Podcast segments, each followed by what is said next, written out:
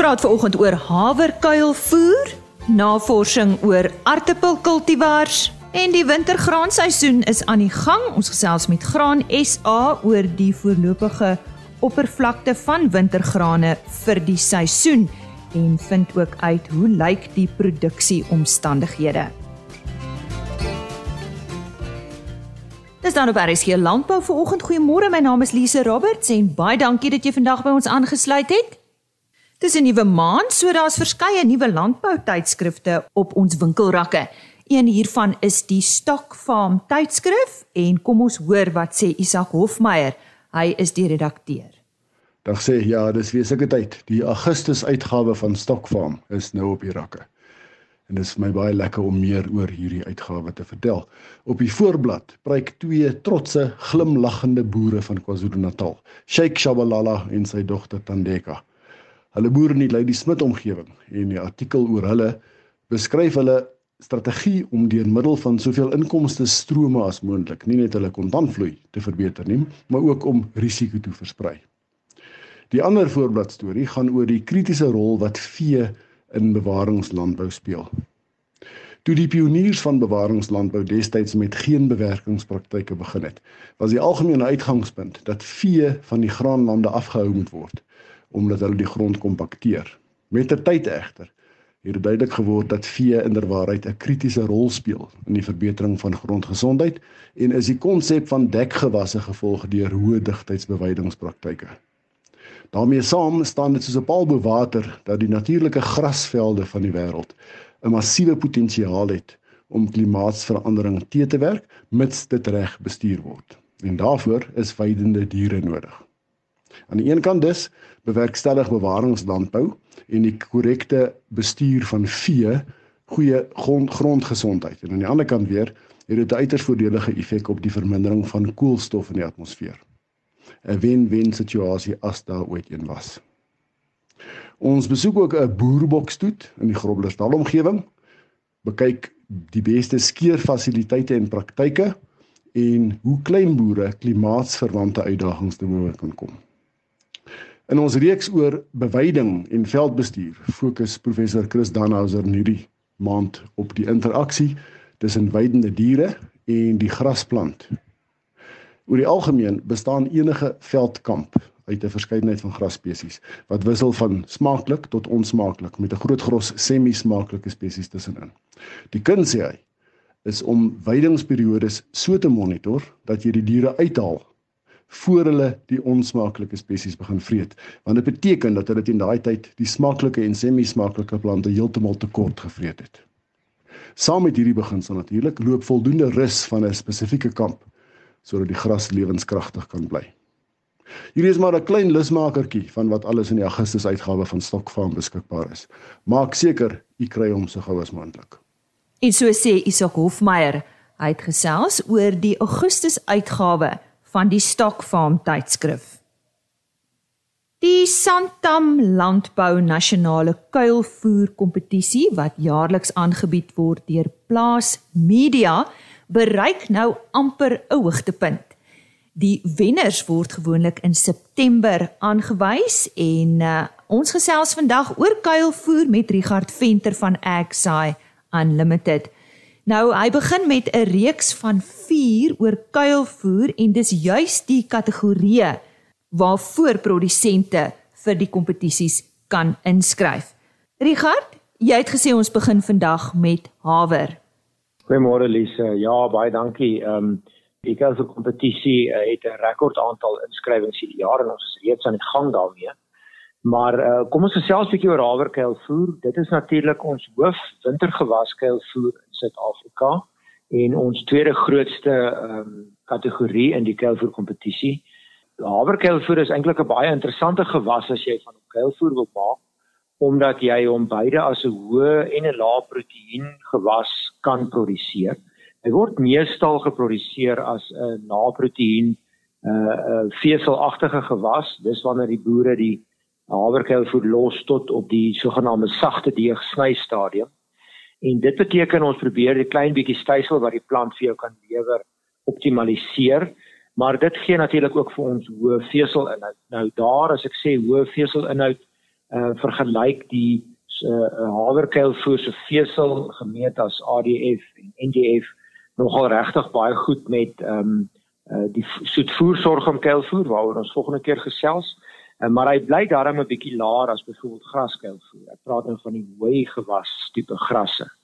Ehm um, maar terug by proteïene as jy sny voordat hy enigstens begin saad maak, eintlik kom ons sê by kniehoogte omtrent dan kan jy proteïene van baie naby aan 16 17%. Dis natuurlik op 'n persentasie van droommateriaal basis en ons praat nou hier van riproteïen kan 'n ou dan produseer. Ehm um, maar gemiddeld in Suid-Afrika omdat die boere die haverkuilvoer bietjie langer los, soos ek gesê het tot op die sagte deel stadium, is die gemiddelde proteïene wat die gewas lewer so 10%. Uh die variasie bly nog steeds normale variasie tussen 7 en 14% ongeveer. Ehm um, Ja, ek het genoem van die hoë veselvlakke, maar ons moet onthou haverkelvoer natuurlik 'n baie baie goeie vesel met 'n baie goeie ehm um, veselverteerbaarheid. Ons kry byvoorbeeld 'n NDF verteerbaarheid uh gemeet by 30 ure van hoog as 36%. Ehm um, en het, my idee is nou nie om 'n klomp syfers hier rond te gooi nie, maar die die voedingskundige of die tegniese ou onder ons luisteraars sal dalk nou waardering hê vir vir daardie syfer. Ehm um, haverkelvoer se se se groot rede tot bestaan is eintlik maar soos ek aan die begin genoem het, dit is 'n wintergewas. Hy word grootliks in Suid-Afrika as droëland gewas uh, geproduseer, maar natuurlik met groot sukses ook uh in die uh, somerreënvalstreke waar ons wel besproeiing beskikbaar het, kan ons hom in die winter produseer onder die besproeiing uh as 'n lekker wisselbou gewas en haver natuurlik ook 'n baie groot voordeel uh vir vir grondgesondheid. So daar's allerlei ander redes hoekom baie boere daarna sou kyk om hom ook te produseer as 'n kuilvoergewas. Dis dan Richard Venter van Agsa Unlimited en volgende keer wanneer ons weer met hom gesels, fokus ons op soet voersorgem.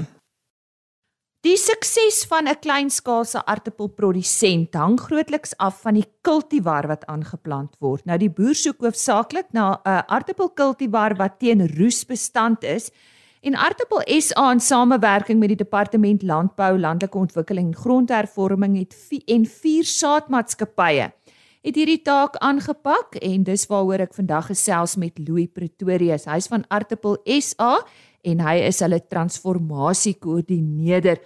Louis, waarom die soeke na 'n nuwe kultivar? Wat is die rede hiervoor? Lisa, dis 'n voorreg om met jou te kan praat.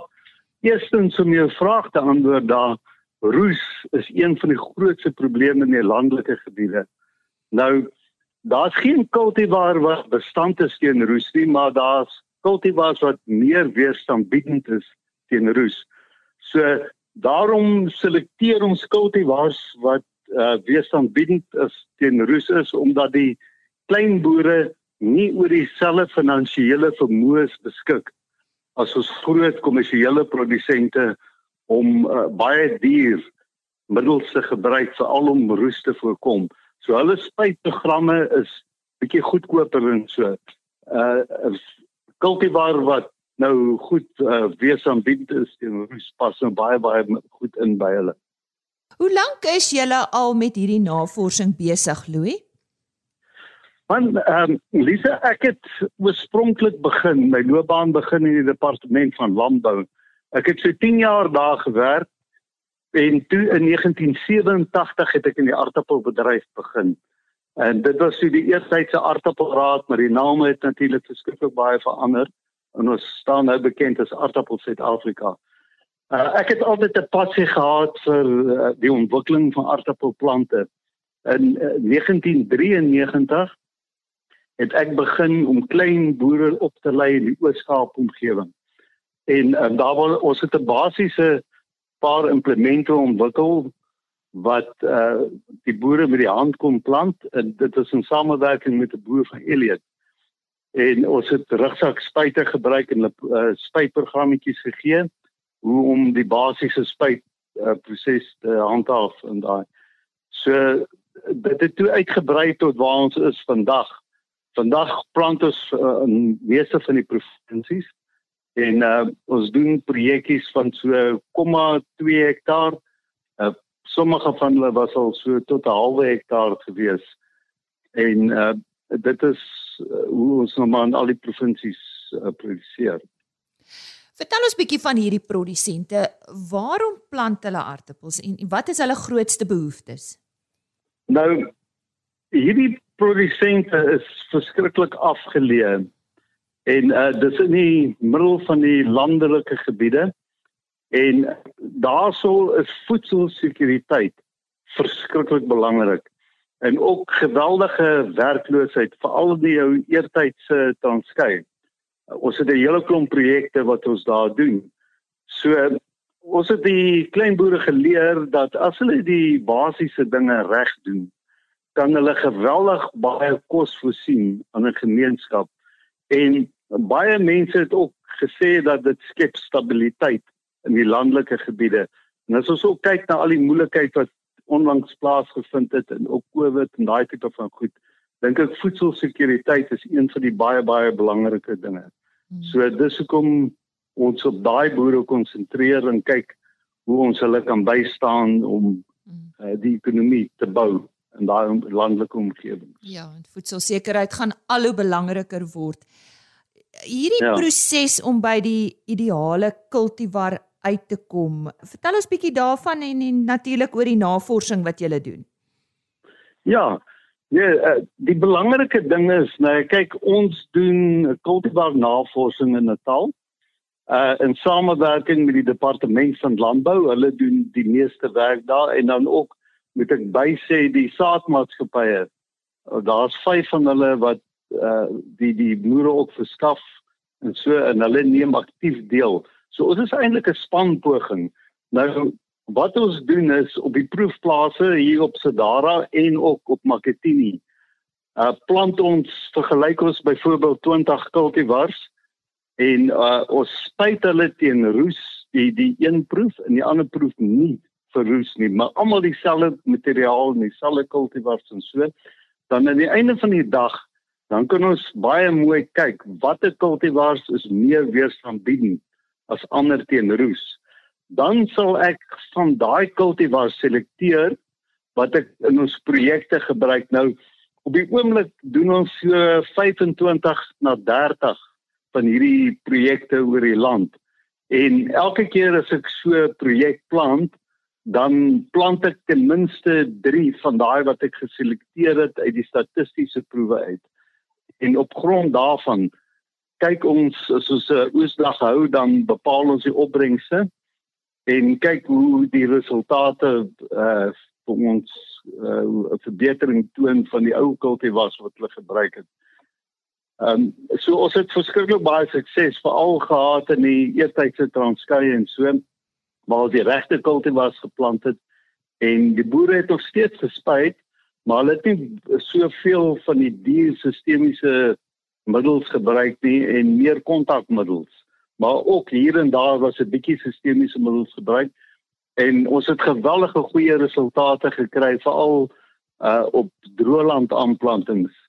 Uh ons het ook besproeiingsaanplantings uh wat ook baie goed vorder. Op die oomblik het ek 'n projek in Mpangeni wat ons daar plant en ek het die proef werk met spuitrye sodat hulle nie die plante beskadig as hulle die die ons spuitprogrammetjie vorder en so. Ek het ook op Umbumbulu een en dan op Maketini vlakte. Het ons nou juis een van hierdie projekte wat ons soos by Sadara doen waar ons 'n groot proefplant wat ons helfte van die aardappels spuit teen roes en die ander helfte nie. Almal dieselfde kultivars drie keer herhaal en dan uh, selekteer ons kultivars daaruit.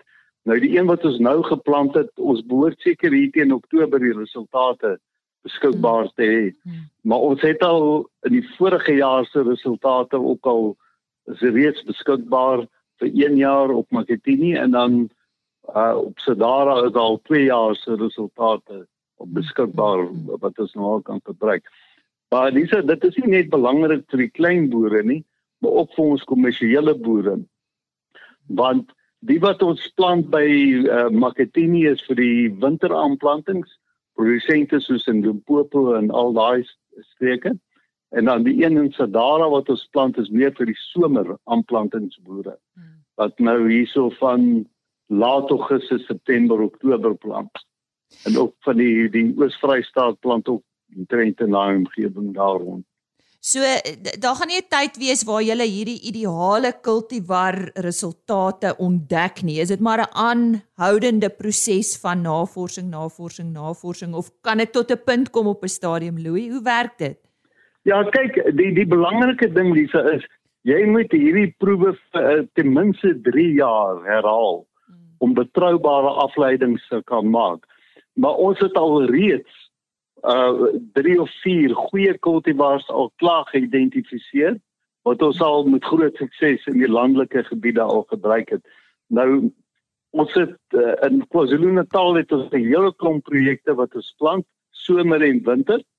En dan die ouer Tambo omgewing, dit is die omgewings daar rondom um om data omgewing, Lusiki Siki, St John's, al daai areas Koomboon, so wat ons daar uh redelik uh, taamlik sterk geplant het en so.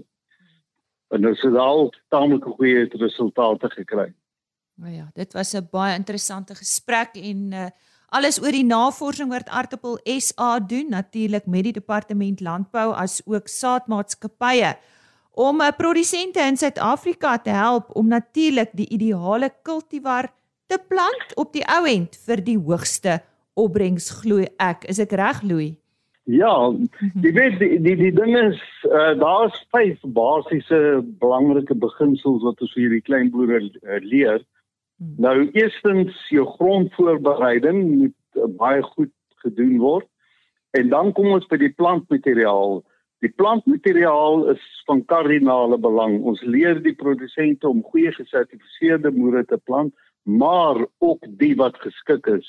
En daar kom dit op neer nou ook om hierdie uh weerstand biedheid teen roes, daai mm. kultivars te kies. Mm. Dis die tweede punt. Die derde een uh ons leer die klein boere om die regte bemesting te doen. Hoe om die bemesting te kalibreer op grond van grondontledings wat gedoen is. En dan die vierde baie belangrike ding is jou vogbestuur. 'n Aardappelplant het geweldig baie vog nodig. So daai vogbestuur is verskriklik belangrik en dan Die laaste een is die spuitprogramme. Nou by die spuitprogramme gee ek vir hulle 'n program vir onkruide, die beheer van onkruide en dan ook peste en plant en dan ook baie belangrik die roesbeheerprogrammetjie wat hulle moet spuit. Want uh, in die verlede as mens gekyk het die die impak wat roes al oor die wêreld gehad het, was geweldig. Ek dink hier aan in Ierland in 1847 met die groot hongersnood wat daar plaasgevind het en dit was as gevolg van lateroes gewees. So lateroes is een van die baie belangrike siektes in aardappels wat mense kan onderskat. Louis baie dankie. Dis Louis Pretorius van Aardappel SA. Hy is hulle transformasiekoördineerder, maar soos jy kan hoor al jare deel van uh die aardappelbedryf in Suid-Afrika. Hy praat uit ervaring en natuurlik 'n reuse taak om te verrig om ook ons kleiner produsente op te lei en op te voed sover aardappelproduksie in Suid-Afrika betref. Louis, as daar iemand is wat graag met jou wil gesels oor dit waaroor jy nou net gepraat het, ehm um, sal jy bereid wees om jou kontakbesonderhede vir ons te gee? Absoluut, Lisa. Ek kan sommer my selnommer gee. My selnommer is 082 388 0520. Iemand is welkom om my te skakel uh vir meer inligting van ons projekte. Goed, dit is dan Louis Pretorius by Artable SA. Ek herhaal sy nommer. Dit is 082 388 0520. Die wintergraanseisoen is aan die gang met die omstandighede wat tans belovend lyk. Die NOK die 28ste Julie die voorlopige oppervlakte van wintergrane vir die seisoen bekend gemaak. En ek gesels nou met Luan van der Walt, hy's natuurlik ekonoom by Graan SA. Luan, hoe lyk die voorlopige oppervlakte van wintergrane vir hierdie seisoen? Ja, Lisa, ek dink as ons kyk na die as ons praat van wintergrane as 'n geheel, dan praat ons maar van ons koring, gars, haver en canola, so dit is die wintergrane en oliesade hoofsaaklik. So as ons kyk na die voorlopige oppervlakte wat deur die oeskattingskomitee bekend gemaak word, um, lyk dit oorhoofs positief. Ek dink meeste van die gewasse se oppervlakte is hoër as die vorige seisoen se die garsin het bietjie afgekom, so die garsin is is aansienlik laer. Maar as ons hier kyk na syfers, praat ons van koring omtrent so 516000 hektaar. Verlede jaar was dit so 509, so dit is so net oor die 6000 hektaar min of meer wat dit hoor is is die, is die vorige seisoen wat positief is. Ehm um, die grootste uitbreiding in hektare was in die Wes-Kaap gewees, so dis waar ons die grootste sprong in hektare gesien het. Die Vrystaat is bietjie af teenoor verlede jaar se oppervlakte tot dusver. Ehm um, so ja, oor die algemeen dink ek lyk dit goed en positief. As ons kyk na die gars, die gars is baie af. Die gars is so 100 000 hektaar die voorlopige oppervlakte. Hmm teenoor die vorige seisoen so omtrent 140 000 hektaar. So daar was 'n rede daarvoor. Daar was 'n groot daling in die gars. Ek dink ehm um, daar was maar baie uitdagings die afgelope seisoen gewees as 'n geheel. Ehm um, as ons kyk na goed van selfs soos van die die die die alkoholverbod of die verbod op alkoholverkope. Ehm um, ek dink daar's baie van die hektare veral in die Swartland area wat bietjie minder aangeplant is hierdie jaar en dan het die die produsente maar bietjie gekyk na alternatiewe gewasse ook. So aan die ander kant as ons kyk na die canola, Canola aanplantings is aansienlik meer hierdie seisoen, dis omtrent so 29% meer. So waar dit verlede seisoen die oppervlakte so 74000 hektaar was, staan hierdie seisoen op so 96000 hektaar. So dit is ook aansienlik meer. So ek dink daar was 'n redelike skuif tussen hierdie twee gewasse, ehm um, canola en dan uh, canola en gars wat mekaar bietjie redelik afgespeel het en dan die haver hektare is hieso so net oor die 30000 teenoor verlede seisoen se 26000 hektaar. So dit is ook bietjie meer. So ek dink oor die algemeen in die wintergraan seisoen, ehm um, is dit positiewe tendense veral in die koring wat ons sien. Dis nou al ehm um, 'n geruime tydjie waar die hektare weer bietjie 'n opwaartse tendens begin gaan. En hoe lyk die produksieomstandighede? Ja, Lisa, ek dink die produksieomstandighede tans veral in die Wes-Kaap nou waar waar meerderheid van die wintergrane aangeplant word, lyk baie goed. Ehm um, daar was aanvanklik hierdie seisoen daai groot skade hier in die Suid-Kaap en Oeverberg gewees met met baie reën mm. waar daar nou baie grondskade en verspoelings was daai tyd wat dit daai massas reën op beslag was. So dit het aanvanklik die plantseisoen bietjie belemmer. Die dit die lande was te nat so die produsente kon nie vinnig inkom nie. Maar ek dink dit wat geplant is in is lyk baie goed oor die algemeen van die Swartland af reg deur die Wes-Kaap lyk dit baie goed. Uh, daar is nou uitdagings met lande wat nog steeds te nat is en en onkruidbeheer ensovoorts dat die bespuitings nie regtig kan plaasvind nie. Ehm um, so dit is dit is bietjie van die uitdagings wat daar is, maar oor die algemeen dink ek lyk die omstandighede baie goed. Ehm um, canola lyk goed. Die gars wat geplant is klink my lyk goed. Koring lyk goed. Ehm um, so ek dink ons kan regtig uitsien na tot dusver ten minste na 'n goeie seisoen in die Weskaap. Ja, dit klink vir my na goeie nuus. So wat is die verwagting vir die res van die seisoen? Ja, Lisa, ek dink as ons kyk na die verwagting vir die res van die seisoen, weet ons mos maar gewoonlik in die wintergraan seisoen is is September eintlik ons ons groot kritieke maand, veral in die in die Weskaap hier in die noorde ook maar onder die koring en so aan. Ehm um, daar moet genoeg vog in die in September of gedurende September wees. Ons het so 2 of 3 jaar terug gesien dat ons eintlik 'n 'n fantastiese oes op die lande gehad het in September het die temperature net bietjie opgetel dit was te warm mm. en daar was te min vog en toe die toe die oes letterlik weggekwyn um, in die kwessie van 2 of 3 weke. So ek dink op op hierdie stadium lyk die verwagtinge goed. Um, ons hoop net dit realiseer so so ons glo en vertrou regtig dat ons bietjie 'n goeie wintergraan seisoen ook sal hê. Hierdie afgelope seisoen wat ons gehad het, het ons 'n baie goeie wintergraan seisoen gehad. Ons het baie goeie koringproduksie gehad. Ons het ehm, 'n um, rekord canola produksie gehad, rekord mm. garsproduksie. Mm. So ek dink ek dink as ons kyk na die vorige paar jaar wat dit moeilik was, um, kan ons weer doen met 'n goeie opvolgjaar. Mm. Ek is seker is nog nie te laat om 'n bietjie raad te gee vir produsente nie. So waarop moet hulle ehm um, hierdie seisoen let om die af te sluit te loop? Ja, ek dink as ons kyk in in ter afsluiting waar ons nou hoofsaaklik met ons met ons wintergrane, maar as ons nou meer spesifiek bietjie koring omdat koring nou uh, gewas is wat jy maklik kan verskans en en bietjie jou prysbeplanning doen mm. uh, op Safex. Um, 'n skoring baie gekoppel aan die internasionale mark. So ek dink as ons internasionaal gaan kyk, uh, net om daai breër markoorsig te gee, uh, internasionaal is daar baie dis dis baie tweeledig eintlik. Die een gedeelte is goed en die ander gedeelte sukkel so 'n bietjie. As ons kyk na Amerika, Amerika se lentekoring veral, ehm um, die omstandighede lyk glad nie goed daarso nie. So daar's ons 'n bietjie probleme met die Amerikaanse oes wat wat klein wel waarskynlik kleiner gaan wees. Maar dan weer aan die ander kant van die munt as ons kyk na soos tipies die Swartsee lande, ehm um, Rusland, Oekraïne, mm. praat hulle van rekordoeste hierdie jaar mm. en dit is ook baie groot uitvoerlande nie. So Rusland en die Oekraïne is baie groot uitvoerders van koring. Ehm um, hulle stroopprosesse tans in die gang. Daar was nou 'n bietjie vertragings, maar algemeen is die is die opbrengste wat daarvoor wat voorspel word of wat eintlik gerapporteer word daar is baie goed. So daar's 'n verwagting dat daar 'n 'n rekord oes uit daai gedeelte gedeelte van die wêreld gaan uitkom. Ehm um, en dit kan al moontlik ons koringprys bietjie in die in die komende paar maande onder druk plaas soos hulle nou verder vorder met hulle stroopproses. Mm. Ehm um, so ek dink dit sal maar vir ons produsente plaaslik uh, belangrik wees om adderendheid in die mark te bly ehm um, en en derentyd besluite te neem rondom bemarking om seker te maak jy kry 'n redelike goeie gemiddelde prys deur die seisoen.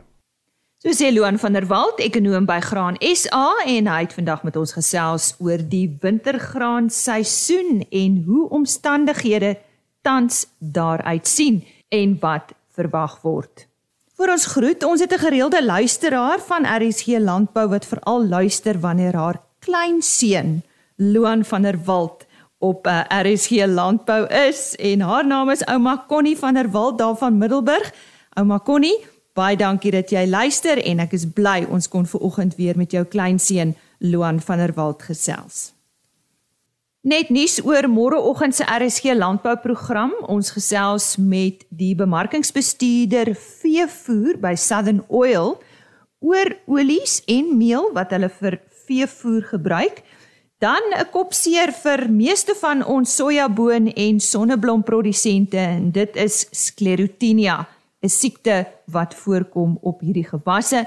Ons praat met dokter Mikkie Human, sy's van Graan SA en dan die departement ingenieurswetenskappe by die Universiteit van die Vrystaat stel vanaf 2023 ook landbou-ingenieurswese en biosisteme bekend as deel van hulle ingenieursdepartement en uh, kandidate sal dan die geleentheid kry om te kwalifiseer vir hierdie graad. So dis dan môreoggend op RSG Landbou. Ons sien uit om weer saam met jou te kuier. Onthou RSG Landbou se onderhoude is op www.agriorbit.com beskikbaar of die program word op die RSG webtuiste ook gelaai. En dan ons e-posadres is rsglandbou@plaasmedia.co.za. Totsiens.